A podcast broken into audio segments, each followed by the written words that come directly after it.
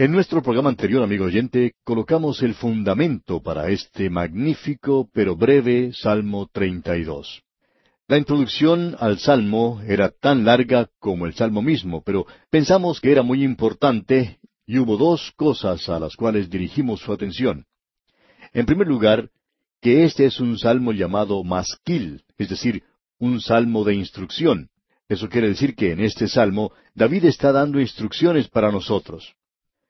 Lo segundo que destacamos es que este no es un salmo penitencial, se lo ha clasificado así, pero la oración de confesión de David, su arrepentimiento, se registra ya en el Salmo 51. En ese salmo él dice, Señor, si tú me perdonas y si tú me restauras, entonces enseñaré a los transgresores tus caminos. Y eso es lo que David está haciendo aquí en el Salmo 32. Él está enseñando. Así que no es un salmo penitencial, como dicen algunos, sino más bien un salmo de instrucción. Por tanto, comienza con un tono muy alegre. Lo tenemos aquí en el versículo uno. Escuche usted. Bienaventurado aquel cuya transgresión ha sido perdonada y cubierto su pecado. Usted puede ver entonces que es instrucción lo que tenemos aquí. Lo que David está tratando de hacer es contarnos que Él ha sido perdonado y que Él ha hecho su confesión y que ha recibido perdón, que hubo una restauración completa, que también Él encontró refugio en Dios y que se le ha dado un canto de libertad. Todo eso lo encontramos aquí. Él dice, bienaventurado aquel. Ahora esa palabra bienaventurado es nuevamente la palabra feliz. Ya hemos tenido esto mismo antes en el Salmo 1 y con el cual se inicia todo el libro de los Salmos. Bienaventurado el varón, o sea, feliz es el varón. Esa bienaventuranza que vemos en el Salmo 1 es la bienaventuranza que sólo puede disfrutar el hombre perfecto. Créanos, amigo oyente, no sé cómo es usted, pero yo no soy perfecto. Y esto habla en realidad de nuestro Señor Jesucristo, quien fue el hombre perfecto. Bienaventurado el varón que no anduvo que no permaneció, ni que se ha sentado. Y luego se nos dice qué es lo que hace. En la ley de Jehová está su delicia. Y esa ley nos condena a nosotros. No lo condenaba a él para nada. Ahora, la ley escrita en los mandamientos y ordenanzas no pueden dar al hombre una bienaventuranza. Demanda de él una obediencia perfecta que el hombre nunca puede alcanzar. Y por tanto, están pronunciando una maldición sobre éste. Allá en la epístola a los Gálatas capítulo tres versículo diez dice, Maldito todo aquel que no permaneciere en todas las cosas escritas en el libro de la ley para hacerlas. No existe ningún hombre que pueda honestamente ponerse de pie y decir que él puede cumplir todo esto. Si usted lo puede hacer, entonces le puede decir al Señor Jesucristo que le permita ocupar su trono a la diestra de Dios y que Él tome otro lugar. Usted quiere sentarse a la diestra de Dios porque según usted es perfecto. Pues bien, amigo oyente, usted no lo es, y yo tampoco lo soy, pero Él sí lo es. Ahora, eso es una bienaventuranza. Feliz es el hombre. Entonces, ¿qué es lo que tenemos aquí? Bueno, aquí tenemos una bienaventuranza y una felicidad. Pero, ¿qué clase es? Pues bien, Cristo murió por nuestros pecados, y en su muerte bendita como sustituto por los pecadores, Él cumplió y satisfizo la justicia de Dios, por lo cual el Dios Santo puede ser un Dios justo y un Salvador. Él puede ser justo y el justificador de todos aquellos que creen en Jesús. Por tanto, cuando tenemos fe en Él, se nos cuenta por justicia. Dice, mas al que no obra, sino cree en aquel que justifica al impío, su fe le es contada por justicia, y es registrado de esa manera. Ahora, de esa manera, miles de creyentes del Antiguo Testamento, comenzando con Abraham y aún antes de él, fueron salvados en anticipación de la obra consumada del Señor Jesucristo. Entonces, nuevamente, ¿qué es lo que aquí tenemos? Tenemos aquí la bendición del hombre cuya transgresión ha sido perdonada. ¿Conoce usted qué clase de felicidad es esa?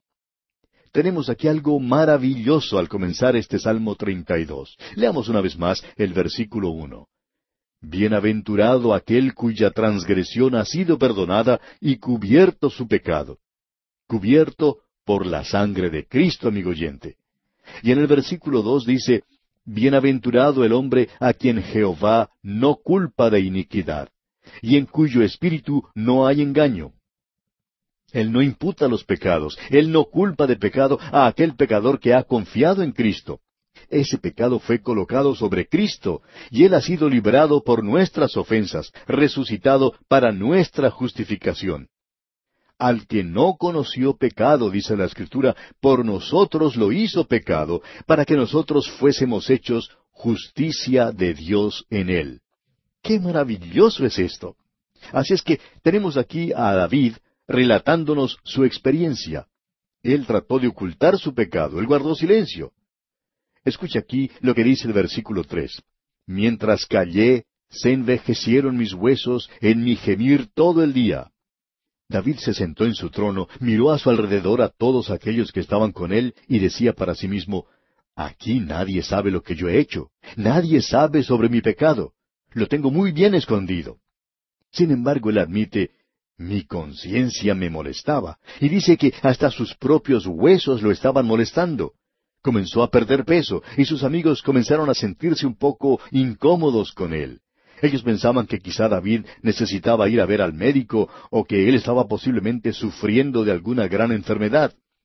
¿Y qué fue lo que él hizo entonces? Siguió haciendo lo mismo día tras día. En la primera parte del versículo cuatro dice, Porque de día y de noche se agravó sobre mí tu mano. Si usted es un hijo de Dios, amigo oyente, usted puede pecar, pero no puede evitar las consecuencias. Esa es la diferencia que existe con los demás. Una persona del mundo puede evitar las consecuencias, aunque solo temporalmente, por supuesto, pero el Hijo de Dios no puede evitar las consecuencias, ni siquiera temporalmente. El apóstol Pablo dice, si nosotros nos juzgamos a nosotros mismos, entonces no seremos juzgados. Pero si no nos juzgamos a nosotros mismos, entonces vamos a ser juzgados. Él será un testigo. Él toma a su propio Hijo y lo disciplina. Cuando llegó Natán a la presencia de David, le dijo, Tengo una historia que contarte. Y David dice, Bien, a mí me gusta mucho poder escuchar historias, y ya que no hay mucho que hacer en el día de hoy, ¿por qué no me cuentas tu historia? Así es que el profeta Natán le contó la historia.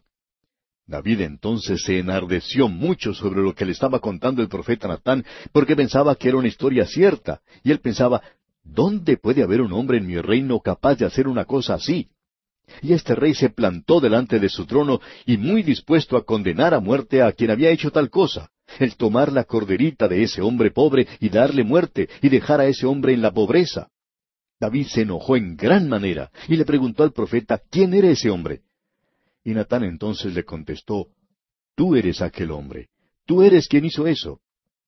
Y David entonces confesó su pecado, y nosotros podemos escucharlo. Lo dijo aquí en el versículo cinco. Escuche, mi pecado te declaré, y no encubrí mi iniquidad.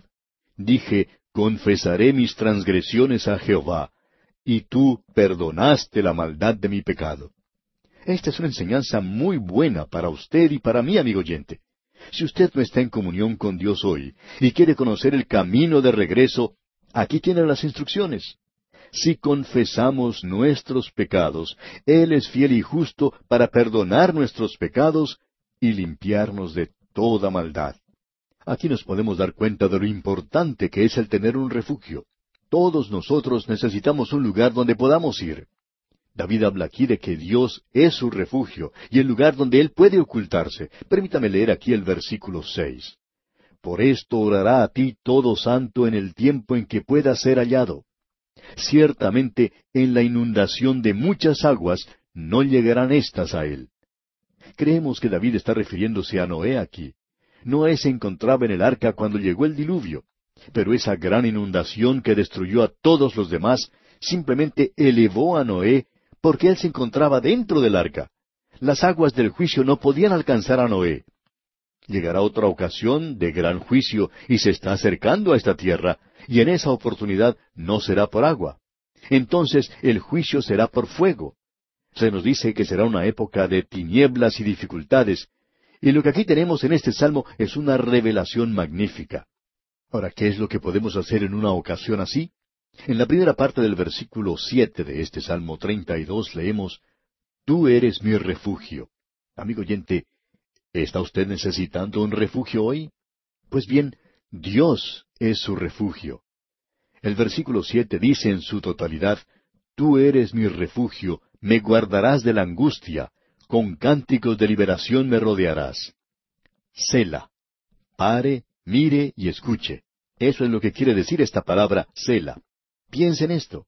Esa palabra indica un descanso musical, y nos imaginamos que aquí la orquesta no interpretaba música alguna y que el coro tampoco cantaba nada. Era un momento de silencio. Uno podía pensar en las cosas que se había dicho. Piense, amigo oyente. ¿Ha perdido usted la comunión que tenía con Él? ¿Necesita usted un refugio? Ahora David dice aquí en el versículo ocho, Te haré entender y te enseñaré el camino en que debes andar. Sobre ti fijaré mis ojos. Para que Él pueda fijar sus ojos en nosotros, amigo oyente, tenemos que andar cerca del Señor. Hay algunas frases en la Biblia que quizá parezcan un poco humorísticas, y en el versículo nueve leemos, No seáis como el caballo, o como el mulo sin entendimiento, que han de ser sujetados con cabestro y con freno, porque si no, no se acercan a ti. Esto es algo cómico, ¿verdad? Y este versículo nos enseña algo de la providencia de Dios. Hay muchos creyentes en la actualidad que están en una órbita fuera de la voluntad de Dios. Se encuentran muy por allá en el espacio, pero Dios los va a guiar. Usted no estará flotando en el espacio, amigo oyente. Dios por su providencia lo dirige, lo guía a usted. Por tanto, es lo mismo como si se le pusiera cabestro y freno a un mulo. Estos animales son tercos, y uno es quien los tiene que guiar. Es como ese hombre que en cierta ocasión tuvo que salir con su mulo a llevar carga a un lugar, y antes de comenzar el viaje tomó un palo y le dio un golpe en la cabeza al animal. Alguien le preguntó, ¿por qué había hecho eso? Y él le contestó, para que me preste atención. Amigo oyente, nosotros por lo general somos así. Y la Escritura utiliza la expresión de que no seamos como estos animales, que permitamos que Dios nos instruya, y necesitamos esa clase de instrucción. El salmo finaliza en una nota de triunfo. Leamos el versículo once. Alegraos en Jehová y gozaos justos, y cantad con júbilo todos vosotros los rectos de corazón. Y así es en realidad, quien quiera que usted sea, donde quiera que usted esté y como quiera que esté, en este mismo instante usted puede elevar su corazón a Dios en júbilo y alegría. Ahora, cuando llegamos al Salmo 33, llegamos a un verdadero cántico. Y este es un cántico o es un salmo donde nosotros podemos ver la experiencia interna del justo. Creemos que este salmo revela la alabanza y la gratitud al Señor, las alabanzas de un pueblo redimido y las alabanzas a su obra en la creación. Tenemos aquí por primera vez la mención de los instrumentos musicales que se utilizaban. Lo hemos tenido antes en la introducción al Salmo, pero aquí está dentro del mismo Salmo y lo podemos leer allí. Esto es lo que podemos llamar un salmo huérfano, es decir, que no sabemos quién fue el autor. Este es un salmo, en esta breve porción de salmos, que no fue escrito por David. Leamos el primer versículo. Alegraos, oh justos, en Jehová. En los íntegros es hermosa la alabanza. Aquí tenemos un salmo de alabanza. Alegraos en la presencia de Dios. Cuando dijimos que David no había escrito este salmo, deberíamos haber dicho que no sabíamos quién lo ha escrito. Puede ser que David lo haya escrito, pero aquí no se nos dice. Notemos ahora lo que dice el versículo dos. Aclamad a Jehová con arpa, cantadle con salterio y decacordio. Ese instrumento de diez cuerdas, el decacordio, es un instrumento maravilloso. No son instrumentos similares a las guitarras que se usan en la actualidad. Son instrumentos que producen música muy bella, el arpa, el salterio y el decacordio. Ahora, en la primera parte del versículo tres dice, Cantadle cántico nuevo. ¿Y cuál es ese cántico nuevo? Esto es algo de lo cual nos gustaría hablar mucho, pero no tenemos demasiado tiempo para hacerlo. Sin embargo, debemos decir que hay varios salmos que hablan de un cántico nuevo, un cántico que será en el futuro. Yo pienso que cuando lleguemos al tiempo del cántico nuevo, también habrá un nuevo cantor. Voy a tener un cuerpo nuevo y entonces pienso que, bueno, sí, seré capaz de cantar. Quiero hacer eso. Espero que el Señor me permita cantar en el cielo. En Apocalipsis capítulo cinco versículo nueve leemos, y cantaban un nuevo cántico, diciendo, Digno eres de tomar el libro y de abrir sus sellos, porque tú fuiste inmolado y con tu sangre nos has redimido para Dios de todo linaje y lengua y pueblo y nación. Ese cántico aquí es un canto de alabanza a Dios, quien es el Creador y quien nos ha dado a nosotros su palabra. Pero habrá un nuevo cántico en el cielo y lo vamos a cantar porque Él es nuestro Redentor.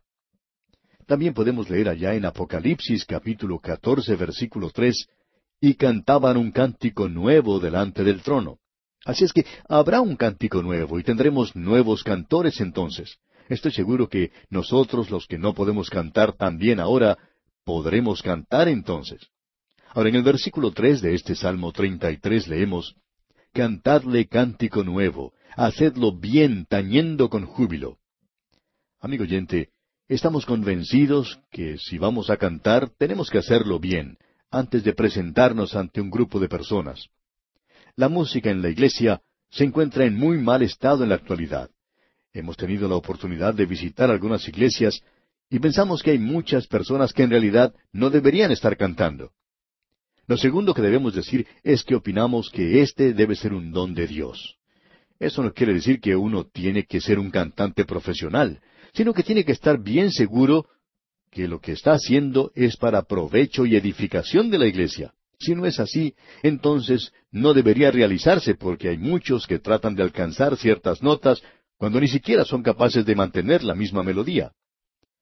Miremos ahora lo que nos dice este salmo al seguir en su lectura. Hemos leído que tiene un cántico para cantar, y en el versículo cuatro se nos dice, Porque recta es la palabra de Jehová, y toda su obra es hecha con fidelidad tenemos la palabra de Dios y también las obras de Dios, las obras de su creación. Quisiéramos que usted note lo que dice el versículo seis, porque aquí tenemos un versículo maravilloso. ¿Quiere usted saber cómo creó Dios los cielos y la tierra? Muy bien, este versículo le dirá a usted cómo. Quizá usted no sepa más acerca de esto después de haber leído, pero por lo menos sabrá cómo Dios lo hizo. Escuche esto, leamos el versículo seis. Por la palabra de Jehová fueron hechos los cielos, y todo el ejército de ellos por el aliento de su boca. ¿Se da cuenta, amigo oyente? La palabra de Dios es poderosa. Quizá uno no pueda ver que un cantante, al ejecutar cierta nota, puede llegar a quebrar una copa de cristal. Pero Dios utiliza su voz no para destruir, sino para crear.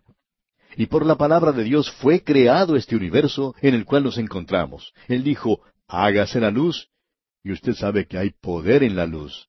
Hay fuerza eléctrica, fuerza electrónica, toda clase de fuerzas. ¿Y sabe usted cómo llegó a realizarse todo eso? Bueno, Dios habló. Estaba en su palabra. ¿Sabe ahora algo más de lo que antes sabía? Yo no, pero sé que Dios lo hizo, y eso es lo importante. Aquí Él nos dice cómo lo hizo. Veamos ahora lo que nos dice el versículo diez de este Salmo treinta y tres. Jehová hace nulo el consejo de las naciones y frustra las maquinaciones de los pueblos. ¿Cómo nos agradaría poner este versículo allá en la sala central de las Naciones Unidas en lugar de lo que ellos tienen allí en la actualidad? Ellos tienen allí algo equivocado. Eso de forjar espadas en arados, porque no están forjando muchas cosas allí. Lo único que allí están haciendo es luchar unos contra otros y no están cambiando las espadas por los arados. Esto sería algo muy bueno. Jehová hace nulo el consejo de las naciones. Podemos observar lo que ocurrió en el pasado, la Liga de las Naciones. ¿Se acuerda de eso? Y antes de la Liga de las Naciones, la Conferencia de Paz de la Haya. Todo eso terminó en la nada. ¿Quiere que le diga una cosa? Y sé que alguien nos va a criticar por esto, pero las Naciones Unidas están encaminadas en la misma dirección porque han dejado a Dios de lado.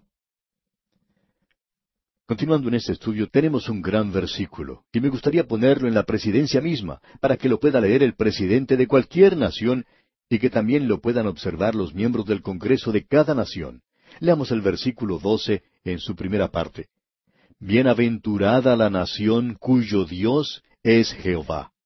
Eso debería ser colocado allí porque no se le ve en ninguna parte hoy. Notemos ahora lo que dice el versículo trece. Desde los cielos miró Jehová, vio a todos los hijos de los hombres. Él lo puede ver a usted, amigo oyente. Y luego en el versículo 16 dice, El rey no se salva por la multitud del ejército, ni escapa el valiente por la mucha fuerza. Napoleón había dicho que Dios estaba del lado del ejército más grande, pero él mismo demostró que estaba equivocado porque en la batalla de Waterloo, Napoleón, usted recuerda, tenía el ejército más grande, sin embargo, salió derrotado. Dios tampoco se encuentra del lado de aquel que tiene la bomba más potente de ninguna manera. Notemos ahora en la continuación de este salmo que en el versículo 18 podemos leer, He aquí el ojo de Jehová sobre los que le temen, sobre los que esperan en su misericordia. Y qué maravilloso es esto, amigo oyente. Y pasando al versículo 21 leemos, Por tanto, en él se alegrará nuestro corazón, porque en su santo nombre hemos confiado. Quisiéramos hacer una sugerencia antes de finalizar este programa. ¿Por qué no se satura usted completamente en los salmos? Vamos a decir algo que quizá no sea muy agradable, sin embargo, lo vamos a decir. En lugar de correr de un lado para otro, amigo oyente, de una conferencia donde le dicen a usted de algunos métodos nuevos para hacer que la escuela dominical marche mejor, o en cuanto a la iglesia, y de hacer esto o aquello, en lugar de hacer eso, ¿por qué no se queda usted en casa y lee este libro de los Salmos? Usted puede empaparse de tal manera en la palabra de Dios que le traerá consuelo a su corazón y puede así resolver el 99% de todos los problemas que usted tenga en la actualidad y de los que también se hacen presente en la marcha de la iglesia. Esta es una parte muy rica de la palabra de Dios. Y cómo necesitamos saturarnos de esta sección en particular de la palabra de Dios. Y llegará a tener mucho más significado para nosotros. Y puede formar parte de nuestras vidas. Puede ser convertido en algo de mucho valor en el presente puede permitir que estos salmos se conviertan en algo que llene la necesidad más básica que usted tenga en su vida. Amigo oyente, sumérjase usted en esta sección, empápese de ella, y como hemos dicho, notará y sentirá el consuelo y la bendición que ella proporciona a su vida. Hágalo usted hoy. Y aquí vamos a detenernos por esta ocasión. En el estudio de hoy, amigo oyente, vamos a considerar el Salmo 34. Vamos a avanzar un poco más rápido de lo que lo hemos estado haciendo porque si no lo hacemos así, entonces vamos a pasar demasiado tiempo en este libro de los Salmos. Ahora no podemos encontrar un lugar mejor que este para demorarnos, pero el asunto es que tenemos que recordar que estamos yendo a través de toda la Biblia y vamos a terminar este estudio, Dios mediante, en cinco años. Ahora, este es un salmo del cual tenemos una explicación como parte del texto inspirado al mismo comienzo. Allí dice, Salmo de David, cuando mudó su semblante delante de Abimelech, y él lo echó, y se fue. Y creemos que este es un buen lugar para ilustrar algo que los críticos han utilizado para desacreditar la palabra de Dios, y por lo cual han provocado que muchas personas de poca instrucción bíblica se hayan apartado del creer en la integridad y la infabilidad de las Escrituras. Lo que aquí se menciona nos hace recordar de algo que ocurrió realmente en la vida de David. Si nosotros lo pudiéramos hacer, regresaríamos al capítulo 21 del primer libro de Samuel y leeríamos los versículos 10 al 15. Allí se relata que Saúl estaba persiguiendo a David y este joven David se encontraba huyendo para poder salvar su vida, y él se estaba ocultando en una cueva en la montaña, tratando de huir de este rey. Él se encontraba en esa región desértica cerca del Mar Muerto, y no hay muchos que pueden sobrevivir en esa zona. Si usted puede visitar ese lugar, se dará cuenta que ese no es un lugar para que uno ande por allí por sí solo. David sabía eso y él pudo sobrevivir en ese lugar desértico. Él fue capaz de ocultarse de Saúl. David se cansó mucho de este tipo de vida y su fe se hizo muy débil y muy tenue, y finalmente pensó, bueno, yo voy a ser destruido. Y entonces se dirigió a la tierra de los filisteos, él penetró en esa zona hacia el oeste. Así es que David llegó al lugar de los filisteos, y el rey de ellos lo recibió, pero alrededor de ese rey se encontraban aquellos que le decían, Cuidado, David no es tu amigo. Tú tienes que recordar que en su tierra la gente decía, Saúl mató a sus miles y David a sus diez miles. Y recuerda también que él fue quien mató a nuestro gigante, y queremos decirte que cuando él mató a Goliat, él destruyó muchas de nuestras defensas. Él no es nuestro amigo. Así es que David vio que se encontraba en un gran peligro, y él fingió haberse vuelto loco, y actuaba de una manera que era completamente demente. En aquellos días la gente tenía cierta superstición acerca de la demencia. Uno no destruía a los locos, sino que los echaba del lugar, y esa es la razón por la cual uno encuentra a personas como ese hombre que se menciona ya en el Nuevo Testamento, que se encontraba entre las tumbas y que era endemoniado, lo trataban como si estuviera loco. Y David entonces fingió estar loco, y esa fue la única forma por la cual él pudo salvar su vida. En esa oportunidad Dios lo libró, y él regresó a su tierra, ocultándose en la cueva de Adulam, y pensamos que al hallarse en la seguridad de esa cueva, David dijo, yo debería haber confiado en Dios. Y este salmo entonces es producto de esa situación. Ahora, si nosotros leemos la información que tenemos, nos daremos cuenta que allí dice que el rey se llamaba Aquis, y aquí se nos dice que era Abimelech. En esto se basan los críticos para decir que esta declaración es muy obvia y que este no es un salmo inspirado de David, Dicen una cosa y otra y que aquí tenemos un error en la Biblia. Tenemos que darnos cuenta que Abimelech era un título real y no era el nombre propio del rey. Su nombre propio era Aquis. Encontramos la misma situación en Egipto, donde cada rey de Egipto se llamaba Faraón, pero ese no era el nombre propio del rey. Toda la gente lo llamaba Faraón, y lo mismo ocurría entre los amalecitas, donde cada gobernante se llamaba Agag, este era un título real como Faraón y como César entre los romanos. Cada uno de ellos tenía su propio nombre, así es que en este salmo, como ya hemos dicho, los críticos tratan de tomar ventaja en una cosa como esta, y lo único que hacen es confundir a los jóvenes y a aquellos que están recién aprendiendo algo. Un joven dijo en cierta ocasión, yo creo en la inspiración de las escrituras, pero aquí encuentro un error. Bueno, no es ningún error, sino que es falta de conocimiento de nuestra parte. Cuando usted cree que encuentra un error en la Biblia, amigo oyente, recuerde, el problema no está en la Biblia, sino que el problema está en usted. Ese es el problema con las cosas que ocurren en el día de hoy entre los críticos de la Biblia. Tenemos entonces que David escribe este salmo y dice en la primera parte del versículo uno, Bendeciré a Jehová en todo tiempo. Cuando usted está en dificultades, cuando usted está desanimado, cuando usted está derrotado, y así es como se encontraba David, uno comienza a sentirse muy decaído, muy desanimado. Él estaba corriendo, corriendo, corriendo y parecía que esto nunca llegaría a un fin. Y él comienza a desanimarse. Él pensaba, quizá alguno de estos días alguien me mate.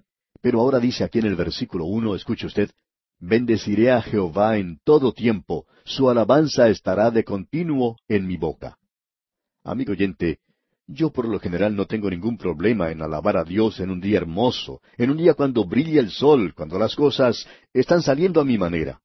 Pero ah, es muy diferente cuando las cosas están saliendo difíciles para mí.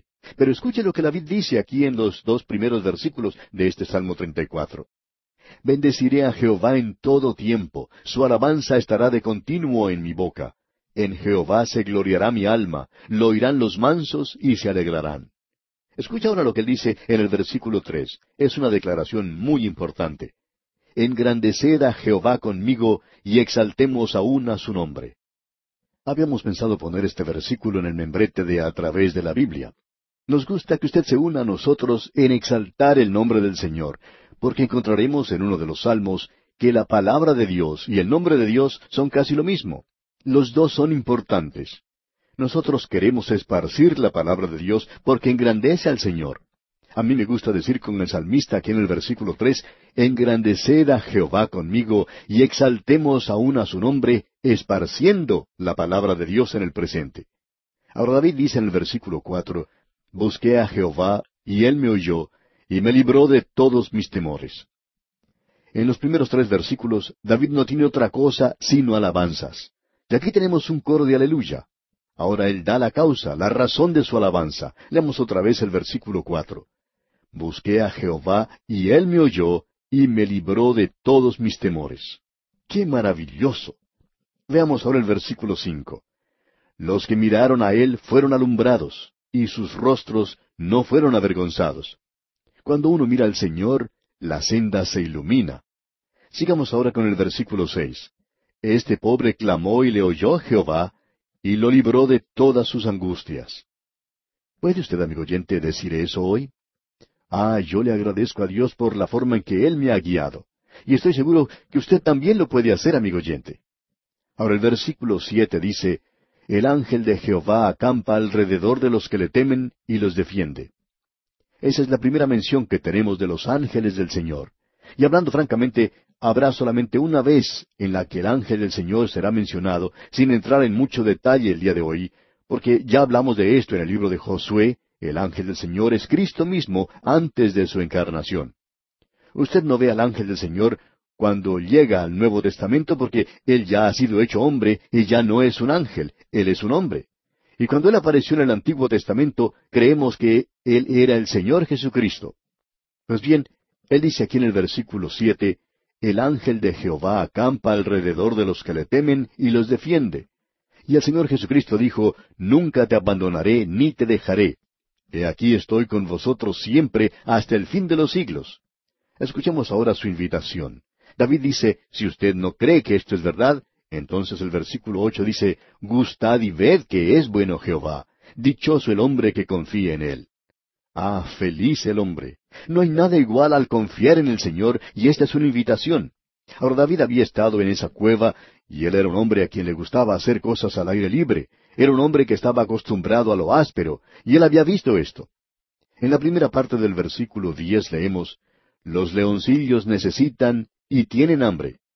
Él había visto a esos leoncillos con hambre, deseando tener algo para comer, y sin embargo, Dios tuvo cuidado de ellos. Luego dice en el versículo diez en su segunda parte, Pero los que buscan a Jehová no tendrán falta de ningún bien. Permítanos decirle, amigo oyente, que si un león puede cuidar a sus propios leoncillos, Dios puede cuidar de usted y de mí también. ¿No es eso maravilloso? Eso es lo que David aprendió por experiencia.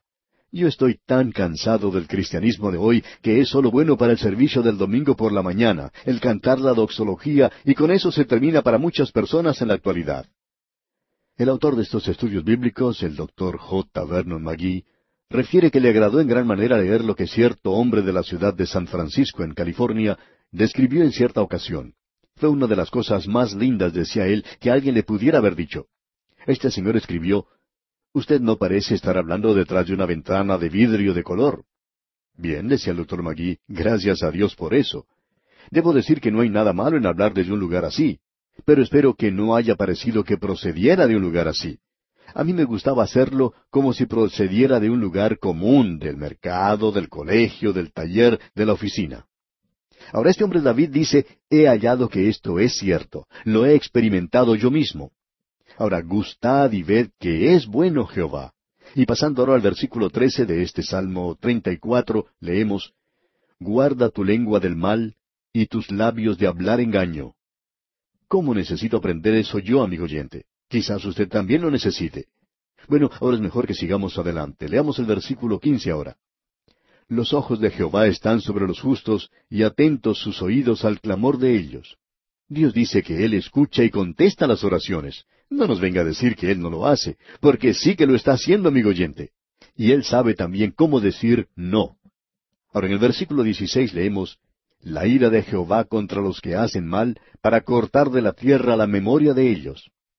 No tenemos tiempo para entrar en detalle en este día. Hay demasiado sentimentalismo hoy en alabar a un pecador bajo y vil, que ha abandonado a su esposa e hijo y quien luego, después de vivir en el pecado, de haber cometido toda clase de crímenes, robos, asesinatos y todo lo demás, regresa a su hogar. Allí encuentra que su pequeño hijo está muy enfermo, y este hombre se hinca de rodillas al lado de la cama y hace una oración.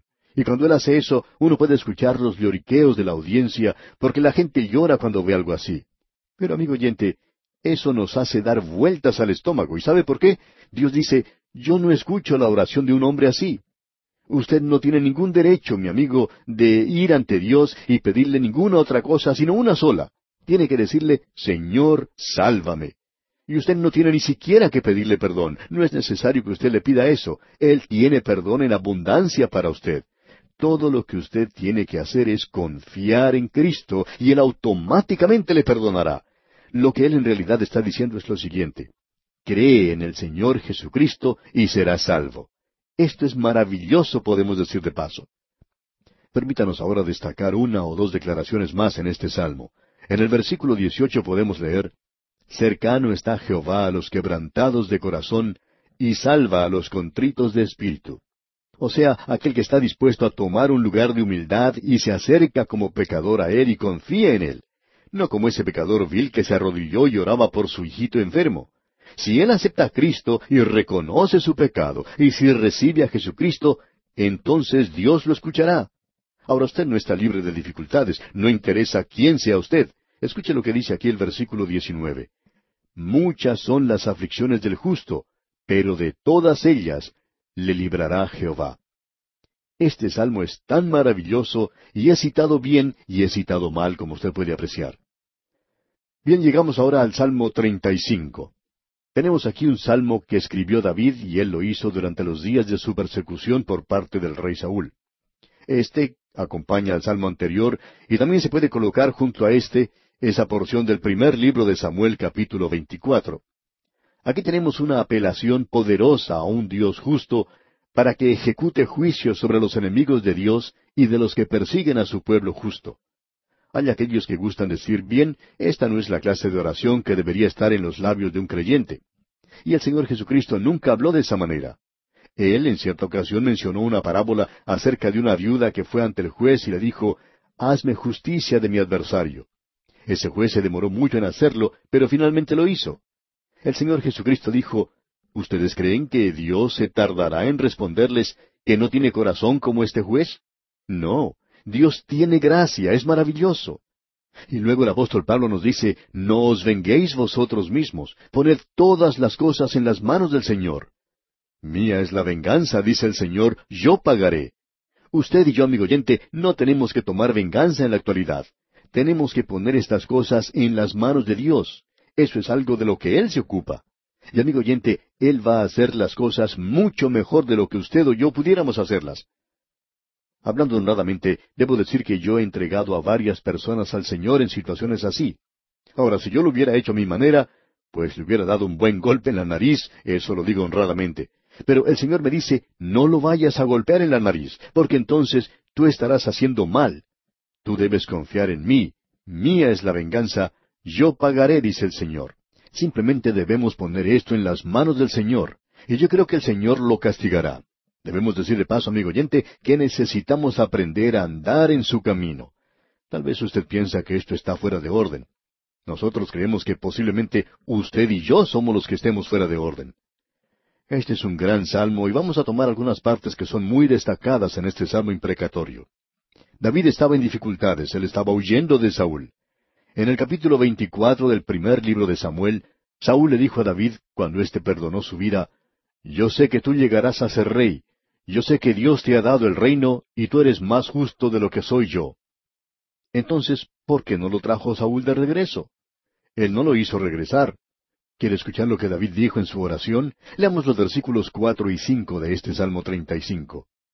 Sean avergonzados y confundidos los que buscan mi vida, sean vueltos atrás y avergonzados los que mi mal intentan, sean como el tamo delante del viento, y el ángel de Jehová los acose. David los quería entregar al Señor también, como bien puede apreciar. Aquí tenemos la segunda mención del ángel del Señor, y estas son las únicas dos menciones del ángel. Lo vimos en el Salmo 34 y ahora lo tenemos aquí en el Salmo 35. Veamos ahora los versículos seis al ocho. Sea su camino tenebroso y resbaladizo, y el ángel de Jehová los persiga, porque sin causa escondieron para mí su red en un hoyo, sin causa cavaron hoyo para mi alma. Véngale el quebrantamiento sin que lo sepa, y la red que él escondió lo prenda, con quebrantamiento caiga en ella. Esto parece demasiado extremo. Es una oración imprecatoria y creemos que no es consistente con lo que tiene que hacer un creyente en la actualidad. Nosotros no tenemos que hacer esto, cuando Él nos ha dicho que tenemos que poner las cosas en sus manos. Pero si usted y yo lo hacemos, de alguna manera u otra Dios no va a tomar venganza, y Él hará las cosas sin ser vengativo como puede ver. Él lo hará en justicia, en rectitud y en santidad. Usted puede entregar las cosas en las manos de Dios y Él va a hacer que las cosas salgan de una manera correcta, podemos decir de paso. Este es un gran salmo y un gran solaz para el alma del hombre. Escuchemos ahora lo que dice David después de hacer esa oración. Leamos los versículos nueve y diez de este Salmo treinta y cinco. Entonces mi alma se alegrará en Jehová, se regocijará en su salvación. Todos mis huesos dirán, Jehová, ¿quién como tú, que libras al afligido del más fuerte que él, y al pobre y menesteroso del que le despoja? David era un hombre muy pobre en esa ocasión. Usted recordará que aquellos que tenían deudas, aquellos que estaban en dificultades, aquellos que estaban descontentos, se acercaban a David en aquel día. Él era como un tipo de Robin Hood, aun cuando la persona que escribió ese libro, Robin Hood, tomó la idea de la vida de David, digamos de paso. Y fue en esa ocasión cuando David comenzó a formar su ejército, pero es simplemente un muchacho pobre huyendo del rey al que tenemos aquí. Y luego se nos dice algo muy interesante. Pasemos al versículo 16. Como lisonjeros, escarnecedores y truanes, crujieron contra mí sus dientes. Ellos no solo hicieron eso, sino que se burlaron de David. Ahora esta clase de gente era como los bufones de la corte, ellos eran contratados para que divirtieran a los huéspedes en algún banquete, y ellos entraban y eran bastante hipócritas en la forma en que actuaban. Y esta gente llegaba y se burlaba de David por haber huido, por estarse ocultando del rey y por no luchar contra él. Ellos decían que él podía derrotar al gran gigante Goliat, pero que ahora le temía al rey Saúl. Como lisonjeros, escarnecedores y truanes. Y amigo oyente, ellos todavía están por aquí en la actualidad, y uno los puede encontrar aún en las iglesias. Hemos estado en la iglesia por mucho tiempo, y no estamos en contra de ella, pero nos encontramos hoy en una posición desde donde podemos decir algunas cosas acerca de aquellos que están en la iglesia hoy. Y eso daña el testimonio de la iglesia en la actualidad. La iglesia, amigo oyente, es la esposa de Cristo. Dios aún tiene un propósito en la iglesia, y alguien necesita hacer hoy un poco de limpieza dentro de la iglesia. Nosotros no debemos juzgar al mundo, pero debemos juzgar las cosas que están dentro de la iglesia, y hay mucho de esto dentro de la iglesia hoy. Ellos ponen en ridículo a los hombres de Dios, mienten acerca de ellos, y están haciendo esto de una manera tan piadosa, y son burladores hipócritas en realidad. Son los bufones en la corte de Dios hoy, ridiculizando a los hombres de Dios. Y eso es verdad. Este es un gran salmo, debemos añadir. Y pasamos ahora al Salmo 36, y no vamos a entrar en muchos detalles en este, ya que aquí tenemos en el mismo comienzo del Salmo que se nos presenta un cuadro de los malvados. Y vemos que tendremos que esperar hasta nuestro próximo programa para poder tratar esto. Uno aquí puede apreciar un cuadro del corazón humano. Todos nosotros tenemos un corazón malvado. Usted quizá no quiera creer esto, pero todos tenemos un corazón malvado. Y vamos a observar ese corazón en nuestro próximo programa a leer este Salmo 36, porque aquí se nos dice en el primer versículo, escuche usted, la iniquidad del impío me dice al corazón, no hay temor de Dios delante de sus ojos. Lo que está diciendo es esto, la maldad habla al malvado en lo íntimo del corazón. ¿Qué es esto de la maldad del malvado? Amigo oyente, esa es la vieja naturaleza que usted y yo tenemos, la naturaleza adámica, esa naturaleza pecaminosa, la carne que está en todos nosotros. El Señor Jesucristo ya había dicho, lo que sale del corazón del hombre. En el Antiguo Testamento Jeremías dice, engañoso es el corazón más que todas las cosas y perverso. Debemos decir, amigo oyente, que todos tenemos problemas del corazón y que Dios tiene el remedio para los problemas que nos aquejan. Pero vamos a tener que esperar hasta nuestro próximo programa para ver esto. Por hoy vamos a detenernos aquí. Al llegar hoy al Salmo 36, amigo oyente, nos damos cuenta que tenemos que acelerar el paso, si no, pues vamos a pasar demasiado tiempo en este libro de los Salmos. Ahora no podemos encontrar un lugar mejor que el estar aquí en los Salmos, como dijimos antes, pero por favor no nos vaya a entender mal. Nunca habrá tiempo suficiente para quedarse y considerar las riquezas inagotables contenidas en alguna porción de las Sagradas Escrituras. Y en realidad quisiéramos quedar más tiempo aquí, pero después de todo el autobús bíblico debe continuar su marcha, ¿no le parece? Pues bien, en el Salmo 36 encontramos un cuadro de los malvados. David es el autor de este salmo. David comienza diciendo lo siguiente, aquí en el versículo uno. La iniquidad del impío me dice al corazón, no hay temor de Dios delante de sus ojos. La traducción Septuaginta, que es la versión griega, cambia esto un poco. Ahora no estamos muy seguros, pero creemos que probablemente se acerca mucho más al original que nuestra propia traducción. En la Septuaginta dice, el malvado tenía un oráculo de transgresión en su corazón. ¿Y cuál es ese oráculo de transgresión en el corazón? Bueno, dijimos en nuestro programa anterior, al terminar, que es la vieja naturaleza que usted y yo tenemos, la naturaleza adámica. Y el Señor Jesucristo dijo allá en el Evangelio según San Mateo capítulo quince versículo diecinueve, porque del corazón salen los malos pensamientos, los homicidios, los adulterios, las fornicaciones, los hurtos, los falsos testimonios, las blasfemias. Es una progenie repugnante lo que sale del corazón humano. Y eso, digamos de paso, es citado por el apóstol Pablo allá en la epístola a los Romanos capítulo tres versículo dieciocho, donde dice, No hay temor de Dios delante de sus ojos. Aquí tenemos una revelación del malvado porque usted puede apreciar que del corazón salen estas cosas, y vemos eso en la traducción. El malvado tenía un oráculo de transgresión en su corazón.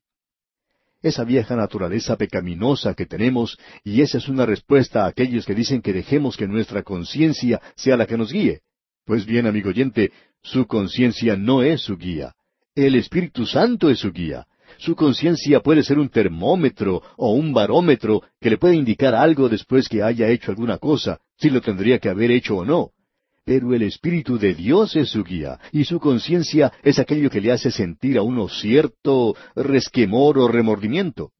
Así es que tenemos esa vieja naturaleza dentro de nosotros, y allí no hay temor de Dios delante de sus ojos. Ellos pueden hacer declaraciones muy grandes en la actualidad. Y en el versículo que sigue podemos ver lo siguiente. Leamos la primera parte del versículo dos. Se lisonjea, por tanto, en sus propios ojos. El escritor Matthew Henry en su comentario hace la siguiente declaración que resulta bastante interesante en conexión con lo que hemos dicho. Los pecadores se destruyen a sí mismos. Ellos se destruyen a sí mismos al ser personas que se lisonjean a sí mismos. Satanás no los podría engañar si ellos no se estuvieran engañando a sí mismos. Pero, ¿quedará el engañador para siempre? Hasta aquí el comentario de Matthew Henry. Y pensamos que una de las cosas con las cuales los perdidos tendrán que vivir a través de toda la eternidad es con su vieja naturaleza y tendrán que aprender a aborrecerla. Eso es lo que hará de ellos su propio infierno dentro de sí mismos, podemos añadir. Siguiendo adelante ahora, podemos leer en la primera parte del versículo tres, Las palabras de su boca son iniquidad y fraude.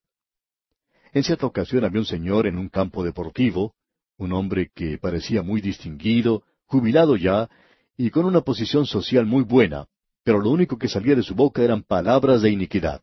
Con cada aliento él tomaba el nombre de Dios en vano. Ahora leamos lo que dicen aquí los versículos tres y cuatro de este Salmo treinta y seis. Las palabras de su boca son iniquidad y fraude. Ha dejado de ser cuerdo y de hacer el bien. Medita maldad sobre su cama está en camino no bueno, el mal no aborrece. Lo que en realidad él está haciendo es planeando en su cama lo malo que va a hacer al día siguiente. ¿Qué cuadro el que tenemos aquí? Es en realidad un cuadro tremendo, espantoso. Ahora en los versículos cinco al siete tenemos un cuadro de Dios, de lo que Dios es. Escuche usted. Jehová, hasta los cielos llega tu misericordia, y tu fidelidad alcanza hasta las nubes. Tu justicia es como los montes de Dios, tus juicios abismo grande. Oh Jehová, al hombre y al animal conservas. Cuán preciosa, oh Dios, es tu misericordia. Por eso los hijos de los hombres se amparan bajo la sombra de tus alas. Estas son palabras maravillosas, palabras bendecidas, y este es el Dios que el hombre está rechazando. Este es el Dios del cual el hombre no tiene ningún temor. Los malvados no conocen a este Dios y no saben lo que es el estar protegidos bajo la sombra de sus alas. Y ese es el lugar donde se pueden refugiar los justos. Me gusta hablar de las alas de Jehová. Lo hicimos allá en el libro de Éxodo en el capítulo 19, ¿recuerda usted? Cuando Dios le dijo a Israel, Vosotros visteis lo que hice a los egipcios y cómo os tomé sobre alas de águilas y os he traído a mí. Nosotros podemos encontrar bajo sus alas seguridad y reposo y también el calor de su amor. Usted recordará lo que el Señor Jesús dijo a Jerusalén. ¿Cuántas veces quise juntar a tus hijos como la gallina a sus polluelos debajo de sus alas, y no quisiste? Y este es el Dios que muchos están rechazando en la actualidad. El salmista concluye este Salmo 36 con las siguientes palabras. Veamos los versículos once y doce. No venga pie de soberbia contra mí, y mano de impíos no me mueva. Allí cayeron los hacedores de iniquidad, fueron derribados y no podrán levantarse. ¿Qué cuadro el que tenemos aquí? David se está dirigiendo a Dios. Esta es una oración, y aquí en esta sección él ora que Dios continúe derramando su misericordia y su gracia hacia él para que él no caiga bajo el malvado. Creemos que esto es algo sobre lo cual cada creyente debería orar. Usted y yo nos encontramos en un mundo malvado, muy malo. Mi oración siempre ha sido, Ah Dios, no permitas que caiga en las manos de los malvados. Y así llegamos ahora al Salmo 37, y podemos notar que es un salmo de David también. Este era uno de esos salmos conocidos como acrósticos, es decir, un salmo en el cual se utiliza el alfabeto en hebreo. Cada versículo o sección puede comenzar con una letra del alfabeto hebreo. Usted puede notar que este salmo tiene unos cuarenta versículos y puede utilizar cada letra del alfabeto hebreo, comenzando con Aleph, Bet, Gimel, Dalet, etc., hasta el final. Y nosotros tenemos lo mismo en la actualidad. Esa es la manera en que enseñamos a los niños. Recuerdo que cuando era pequeño tenía un libro en el cual podía aprender las letras del alfabeto. Tenía, por ejemplo, la letra A para un auto, la B para bote, eh, la C para caballo y un dibujo para ilustrar cada una de estas cosas. Esa es la manera como comenzábamos a aprender el abecedario. Pues bien, eso es lo que uno tiene aquí en este salmo, y es un salmo que ha sido de una gran bendición al pueblo de Dios a través de las edades, y muy a menudo se aplica erróneamente. Notemos lo que dicen los versículos uno y dos, los primeros dos versículos. No te impacientes a causa de los malignos, ni tengas envidia de los que hacen iniquidad, porque como hierba serán pronto cortados, y como la hierba verde se secarán. Esto es algo que aparentemente molestaba a David mucho, y también lo encontraremos más adelante mencionado por otro salmista en el Salmo 73, un salmo de Asaf. Él tuvo que enfrentar este problema tan perplejo, digamos de paso. La razón que uno hay aquí, y especialmente en el Antiguo Testamento, es que Dios prometía a los creyentes en ese entonces prosperidad material. Él no ha prometido eso a los creyentes en la actualidad. Nuestra esperanza no se encuentra en esta tierra. La esperanza de Israel estaba en esta tierra. Por tanto, cuando el hombre de aquel entonces, de aquel día, miraba a su alrededor y observaba que los malvados prosperaban, podía ver que un hombre malo recogía una gran cosecha de sus campos, que la lluvia caía sobre su sembrado, y más adelante uno podía ver que el hombre justo estaba pasando por serias dificultades. Y eso era bastante difícil para el hombre de Dios, comprender lo que estaba ocurriendo. David observaba eso y llegó a la misma conclusión a la que llegó Asaf. Y usted puede apreciar eso si lee el Salmo 73, pero no lo vamos a hacer en esta oportunidad. Pero Asaf dijo que él vio lo que ocurriría al final, que los malvados serían cortados, y aquí se nos dice que a ellos les pasará lo que les sucede a la hierba. Hace muchos años atrás, había personas que se preguntaban por qué Dios permitía a Hitler hacer lo que estaba haciendo. Él casi triunfa en la Segunda Guerra Mundial. ¿Por qué permite Dios que aparezcan personas así? Pero hoy nos podemos preguntar, ¿dónde están esas personas en el presente? Simplemente tenemos que darle tiempo a Dios. Él tratará con ellos. Lo que uno necesita considerar es el final de los malvados. Aquí Él nos está diciendo lo que tenemos que hacer si esto es un problema que nos molesta. Hay varias cosas que uno puede hacer si quiere resolver este problema. Leamos el versículo tres ahora. Confía en Jehová y haz el bien, y habitarás en la tierra y te apacentarás de la verdad. Esta es una promesa al pueblo terrenal de Dios. Dios le dice a ellos, ustedes no necesitan preocuparse en cuanto al malvado. Confíen en el Señor y Él les cuidará. Luego en el versículo cuatro leemos, Deleítate a sí mismo en Jehová, y Él te concederá las peticiones de tu corazón amigo oyente, eso es para ellos, y lo es también para nosotros en el presente. Ahora, yo no sé si Él le va a dar algo a usted que sea material. Tampoco estoy seguro de que Él eh, lo bendecirá en sus negocios. Pero debo decir lo siguiente. Él ya lo ha bendecido a usted con bendiciones espirituales, y Él permitirá que le lleguen a usted lluvias de bendiciones espirituales tan grandes como las que pueda soportar. ¿Y qué es lo que tenemos que hacer entonces? Bueno, aquí dice, deleítate a sí mismo en Jehová. Eso es lo que debemos hacer. Y en el versículo cinco encontramos algo más. Encomienda a Jehová tu camino y confía en Él, y Él hará. Hay muchos creyentes en la actualidad que están criticando, están hallando faltas con Dios, amigo oyente. Ellos no han encomendado su camino al Señor. Aquí dice, confía en Él, y Él hará. Dele tiempo a Dios, amigo oyente. Él obrará las cosas en su vida. Dios es bueno. Usted sabe que los perdidos tienen la idea de que Dios es terrible. Usted puede observar los ídolos que ellos tienen. Son espantosos. Y hay muchas personas en la actualidad, algunos creyentes, que no creen que Dios es muy bueno, que es una especie de, eh, de tirano, de villano. Él no se volverá contra usted, amigo oyente. Él nunca hará eso. Él es su amigo. Él le ama y quiere salvarle. Pero usted tiene que encomendar su camino a Él. Usted puede darse cuenta de eso. Bien, eso no es todo. En la primera parte del versículo siete de este Salmo treinta y siete leemos Guarda silencio ante Jehová y espera en Él. Simplemente descanse en el Señor. Qué maravilloso es poder descansar en Él. En la segunda parte del versículo siete leemos No te alteres con motivo del que prospera en su camino, por el hombre que hace maldades. No permita que eso le moleste a usted en nada, amigo oyente. Luego en el versículo ocho dice Deja la ira y desecha el enojo.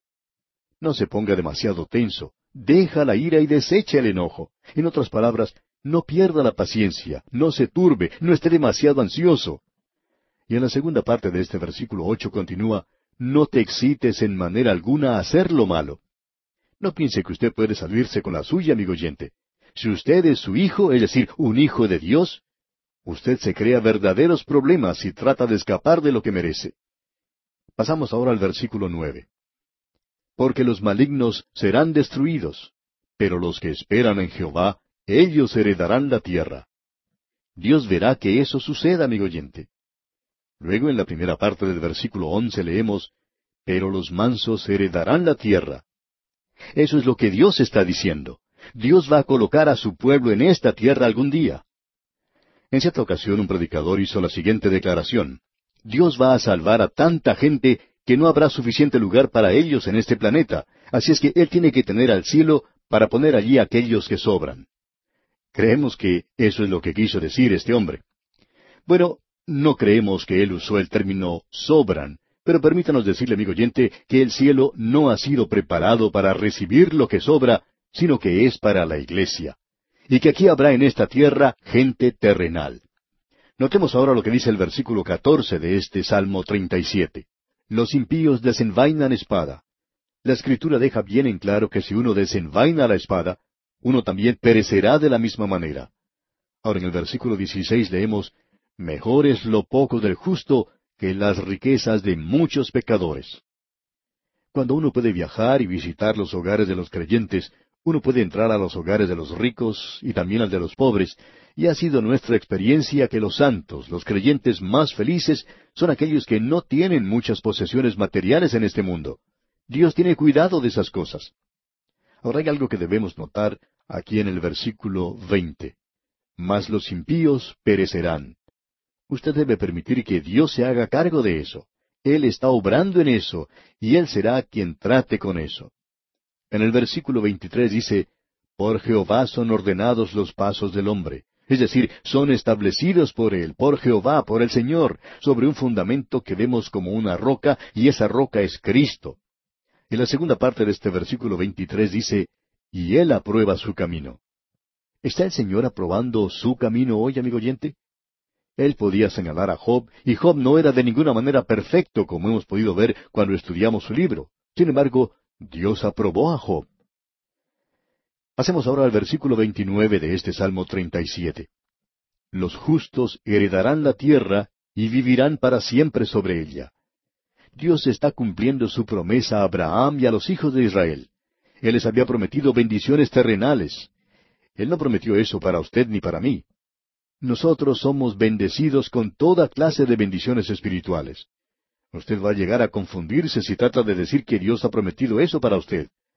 Hay algunas personas que son bendecidas así. Hay algunos creyentes que están siendo bendecidos con cosas materiales. Debemos decir que eso es un excedente que usted recibe, que es una bendición agregada. Y si Dios lo ha bendecido a usted de esa manera, usted tiene una tremenda responsabilidad. Sentimos pena por algunos de los ricos porque ellos no están utilizando el dinero de la manera en que debieran estar utilizándolo para Dios en el presente. Ahora en el versículo 37 de este Salmo 37 leemos, Considera al íntegro y mira al justo, porque hay un final dichoso para el hombre de paz. Y Dios, amigo oyente, verá que eso se cumpla.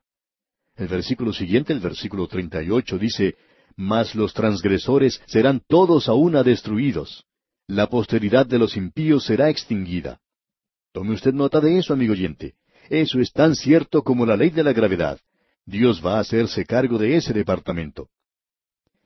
Y llegamos así al Salmo 38. Este es un salmo llamado penitencial. Así es como se llama este Salmo 38. Encontramos a David en una angustia profunda. Su cuerpo se está consumiendo. No tenemos ninguna información de la enfermedad que él tenía. Antes habíamos visto que él le había dado gracias a Dios por su sanidad. Y aquí en el primer versículo de este Salmo 38 tenemos que él dice, Jehová, no me reprendas en tu furor, ni me castigues en tu ira. Y luego en el versículo cuatro dice, Porque mis iniquidades se han agravado sobre mi cabeza, como carga pesada se han agravado sobre mí. Ni usted, amigo oyente, ni yo tampoco podemos llevar nuestras cargas, ni tampoco la carga del pecado. Él dice en los versículos cinco al siete, Hieden y supuran mis llagas a causa de mi locura. Estoy encorvado, estoy humillado en gran manera, ando enlutado todo el día, porque mis lomos están llenos de ardor y nada hay sano en mi carne. En cierta ocasión, un médico al leer este salmo expresó que hay muchas personas que creen que David tenía una enfermedad venérea. Pero él dijo que personalmente no lo creía. Dijo que eso lo había enseñado en la facultad de medicina. Y entonces le preguntó a su pastor qué era lo que él pensaba en cuanto a esto. Pues bien, le respondió el pastor, no creemos que David se hallaba sufriendo de esa enfermedad, y pensamos que el Señor Jesucristo tampoco tenía todas las enfermedades. Y amigo oyente, estamos de acuerdo con esa respuesta porque hay personas hoy en día que piensan que el Señor Jesús llevó todos nuestros pecados también y que Él tenía nuestras enfermedades, pero debemos decir que eso no es cierto. En su nacimiento era santo lo que se había concebido. Y Dios dijo en su temprana vida en este mundo, Este es mi Hijo amado, en el cual tengo contentamiento. Y más adelante en la cruz, cuando Él llegó al final de su vida, Él dijo, ¿quién de ustedes me acusa de pecado? Y se nos dice que Él era santo, inocente, inmaculado, separado de los pecadores. Y Él era santo cuando llegó a la cruz. En aquellas primeras tres horas el hombre hizo lo peor que podía hacer. Pero Dios, en las últimas tres horas en la cruz, hizo lo mejor, porque Cristo tomó sobre sí el pecado de todo el mundo. Así es que nosotros tenemos que tener mucho cuidado aquí. Fue el pecado del mundo lo que Él llevó, y cuando dice que Él llevó nuestras enfermedades, está hablando de la enfermedad del pecado. ¿Quieres saber la respuesta a eso, amigo oyente? Escuche lo que dice Simón Pedro allá en su primera epístola, capítulo dos, versículo veinticuatro. Creemos que él sabía de lo que estaba hablando cuando dijo, quien llevó él mismo nuestros pecados en su cuerpo sobre el madero, para que nosotros, estando muertos a los pecados, vivamos a la justicia, y por cuya herida fuisteis sanados. Ahora, ¿sanados de qué? ¿De enfermedad? No, amigo oyente, de pecado. Él llevó nuestros pecados y no era necesario que tuviera un cuerpo enfermo, porque la enfermedad es el resultado del pecado. Y amigo oyente, no había pecado en él. Él era el sacrificio perfecto que fue a la cruz. Es algo verdaderamente terrible decir que el Señor Jesucristo tenía toda clase de enfermedades cuando fue a la cruz. Es una declaración terrible el decir una cosa así. Bien, amigo oyente, se nos ha agotado el tiempo por hoy y vamos a detenernos aquí y vamos a estudiar en nuestro próximo programa, Dios mediante, el salmo que sigue en este libro porque es necesario que sigamos avanzando hacia adelante.